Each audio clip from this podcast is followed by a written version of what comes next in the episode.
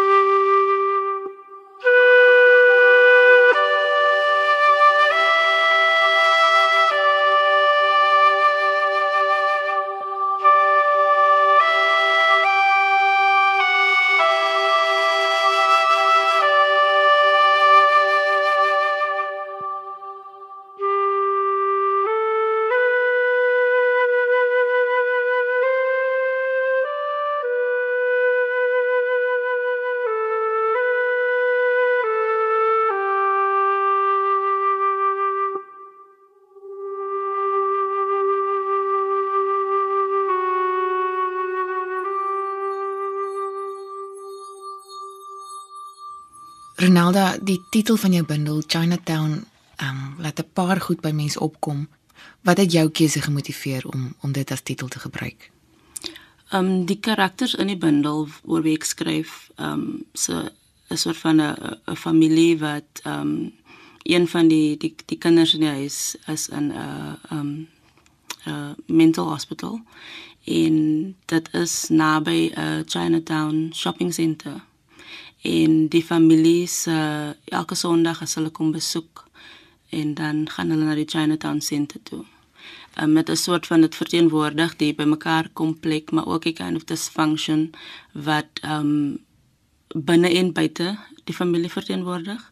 Is soos um die ouers dink dit is 'n uh, 'n treat vir die kinders, vir die jong kinders om dan te gaan en te gaan ontspan.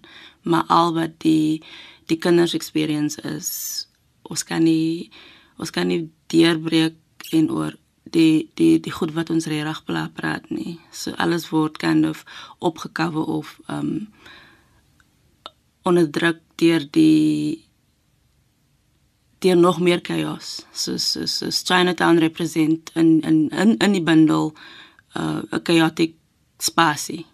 En ehm um, dit is maar net basies soos ek het die titel gekies omdat die karakters in die plek ehm um, in in in die in die bundel dit is die plek wat hulle bymekaar kom en dit dit stel so baie voor vir hulle. Dit is soos as as die karakters terugdink oor die of as die spreker veral terugdink oor oor daai tyd en oor ehm um, alles wat wat hulle deurmaak is Chinatown die soort van die sentrale sentrale spasie wat hulle um occupy.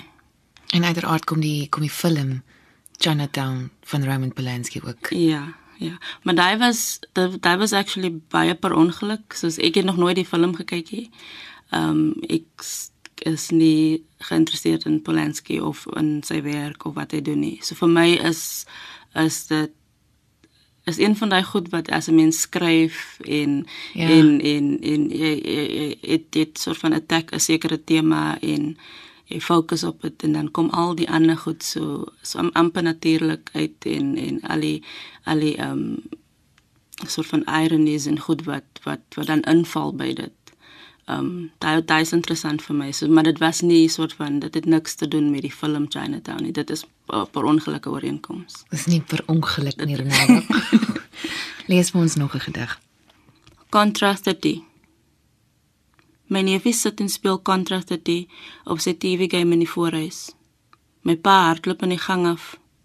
My ma sleep haar voete stadig agterna. Ek staan in die kombuis. My ma loop verby. Die reuk van garlic volg haar. Sy kom terug en skuif die krale wat in die kombuis entrance hang uit die pad uit. Ek het met hom gepraat. Sy wys my die opgevrommelde brief wat ek vroegoggend in 'n sak gesit het. Ek kyk nie op nie. Sy sê ek het baie hard met hom gepraat. Sy try om sag of sensitief te wees. Sy sê hy sal nie weer aan jou vat nie. Ek het hom sommer reguit gevra. Wil sy jou eie kind opklim? Ek sug en sê, "Oké." Okay. My pa kom in die kombuis soos 'n kind wat suiker gesteel het. Hy sê, "Sorry. Alles wat jy mos nou sê, is die waarheid, as jy so sê." Ek stap verby hom sonder om om te kyk. Ek gaan sit in die voorhuis en kyk my neefie wat Contra 30 speel. Hy kom elke keer net halfway deur die eerste stage voor hy sy 30 lewens verloor. Dan moet hy weer van oor af begin. Ronaldo dis um 12 jaar na jou debuutbundel verskyn het, Slapende honde en steeds het jou gedigte nog nie daai daai facehou in die maag krag verloor nie. Wat gaan jy volgende vir ons lees? Volgende is bamboo. Ek dra my demons soos goue bamboo earrings in 'n Missy Elliott video. Ek sit en drink gin and tonic saam met Amut en sy wys my wie wie is. Ek gee my demons troetelname en treat hulle goed soos 'n ma in 'n blind spot.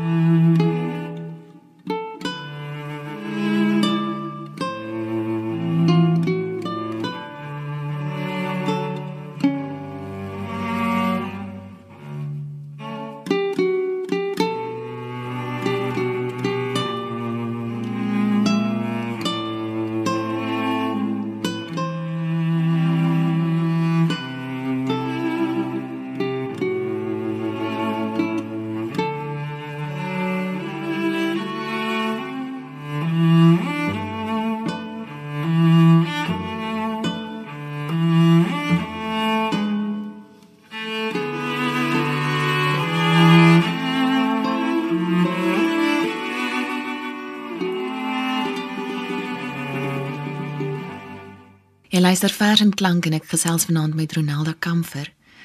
Ronelda se vorige bundel, Hammy, het die komplekse verhouding tussen ma en dogter ondersoek.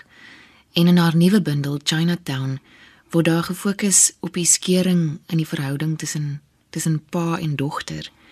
En geslagspolitiek word ook ondersoek deur 'n vroue stem wat opklink teen die patriargie. Nou Ronelda, daar's 'n gedig in jou bundel wat jy vir Nathan geskryf het en um, Nathan is natuurlik Nathan Trantraal.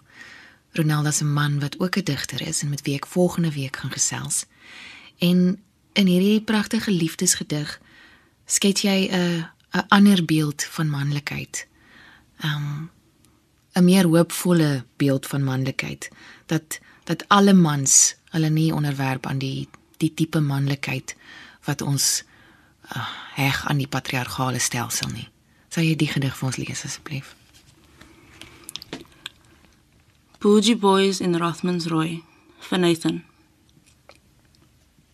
Kry vir jou 'n bougie boy, een met 'n goue chain en navy olas. Een wat taxi vat en sy chains vir sy magie. Kry vir jou een wat sy pa slaan as hy sy hande lig teen sy ma. 'n Bougie boy met 'n fresh fade wat by taxi sit en vir jou die middelkat gee. Kry vir jou een wat sy night terrors wegsteek en los ensies rook sonder om te nip. Maak sy taal jou litmus test.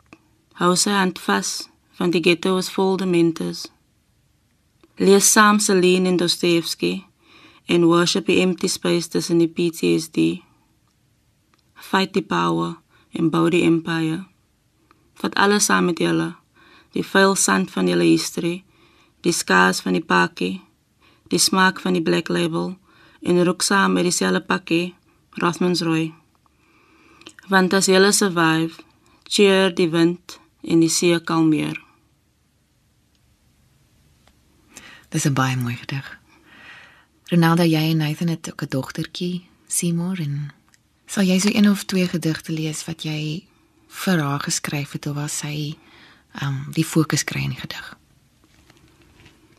Broejas. My kind is into dog shit, soos haar ma. Ons idolize evil queens en ek leer haar dat die good witch maar net 'n bad witch is wat in 'n security complex bly. Ek en sy lê op die kooi en sy sê ons met dooie ma. Sy vra my wat my fear is. Ek smile en sê, baby girl, mommy is fearless.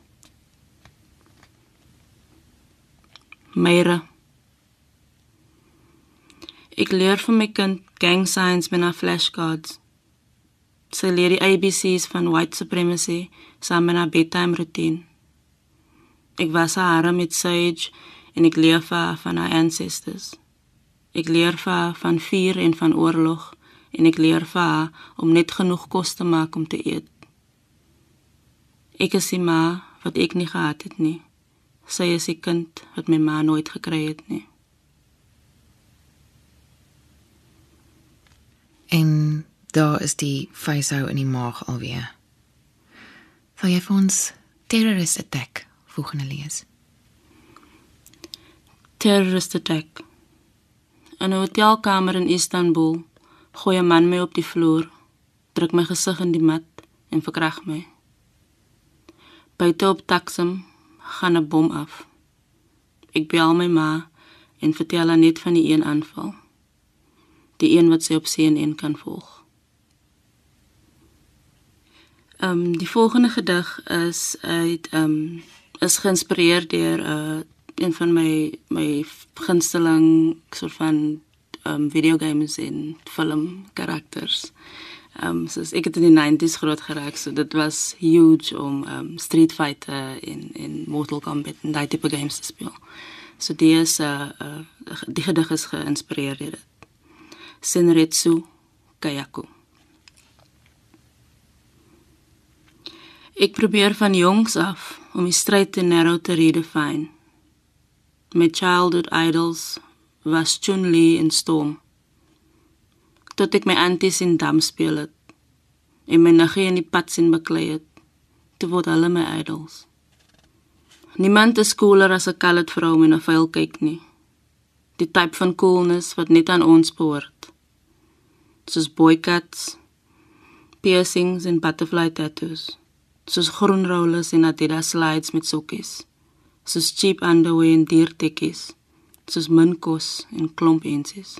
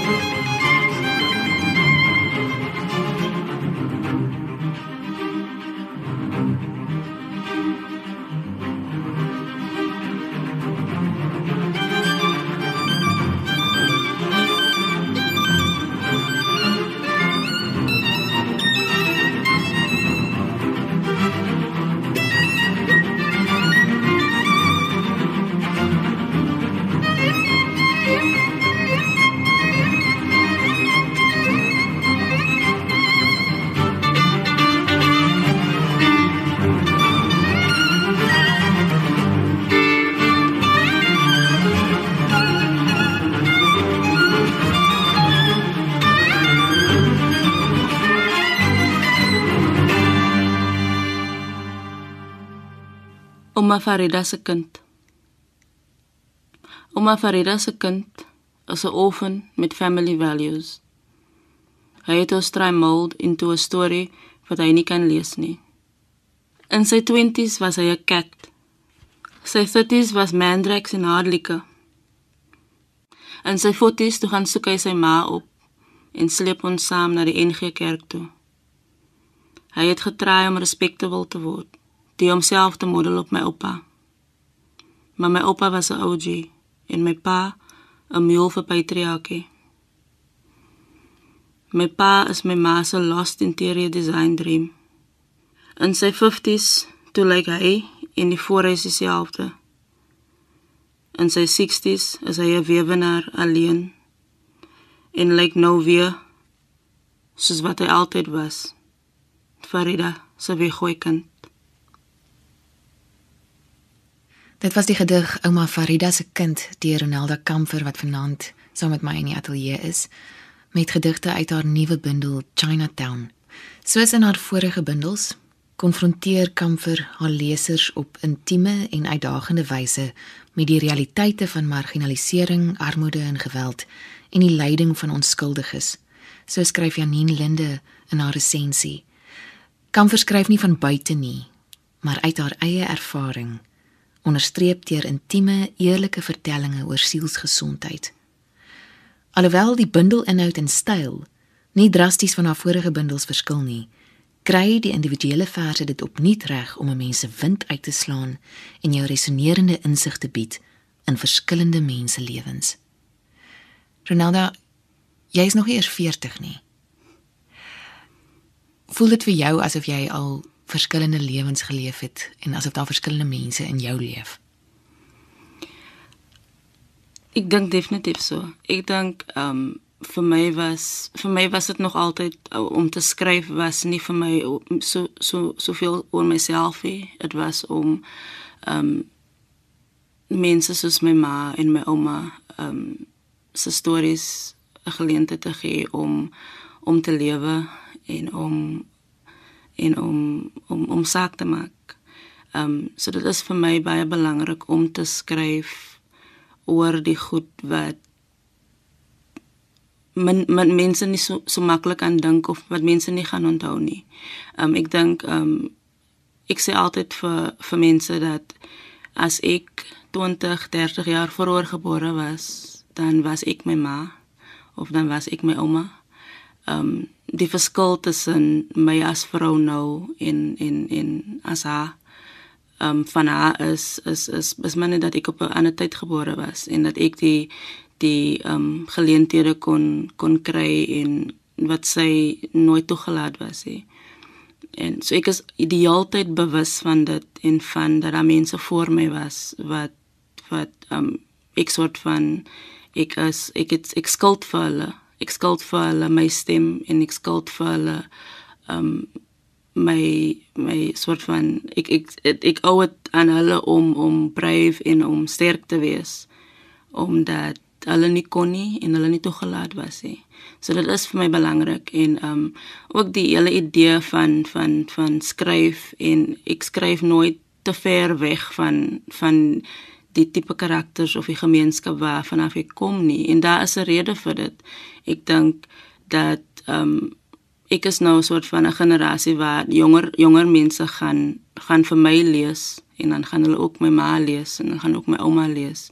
En hulle gaan ook hulle aunties en hulle hulle onkels lees en ehm um, dit beteken iets. Dit beteken iets vir hulle en en 'n soort van 'n 'n sacrifice wat ek maak vir myself. En ek sal ook wel lekker goed wil skryf maar ehm um, vir nou is dit soos ek is baie bewus van die feit dat daar mense voor my was wat se stemme stil was.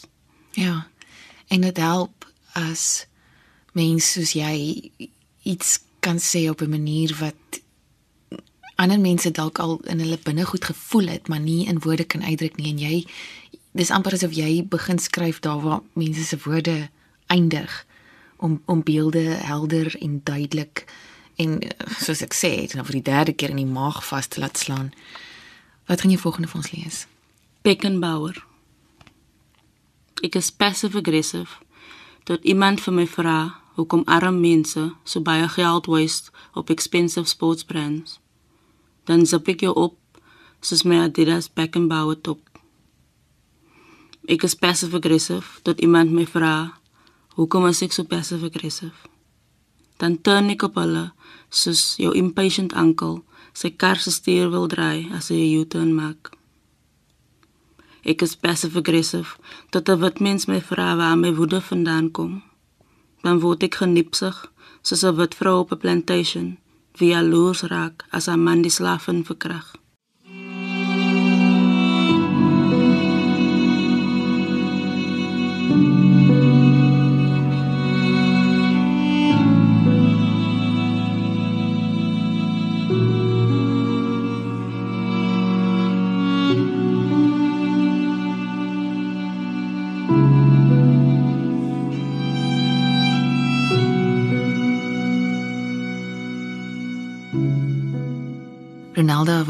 Altyd vir die underdog of die die stemloses 'n stem probeer gee. Nie net probeer nie, ek dink dit dit reg kry. Geluk Ronaldo en sterkte met jou werk wat jy nou in Gramstad ook verder doen. Baie dankie. Van my, Ronaldo Kamfer en ons musiekregisseur Herman Stein. 'n Mooi aand vir u. thank you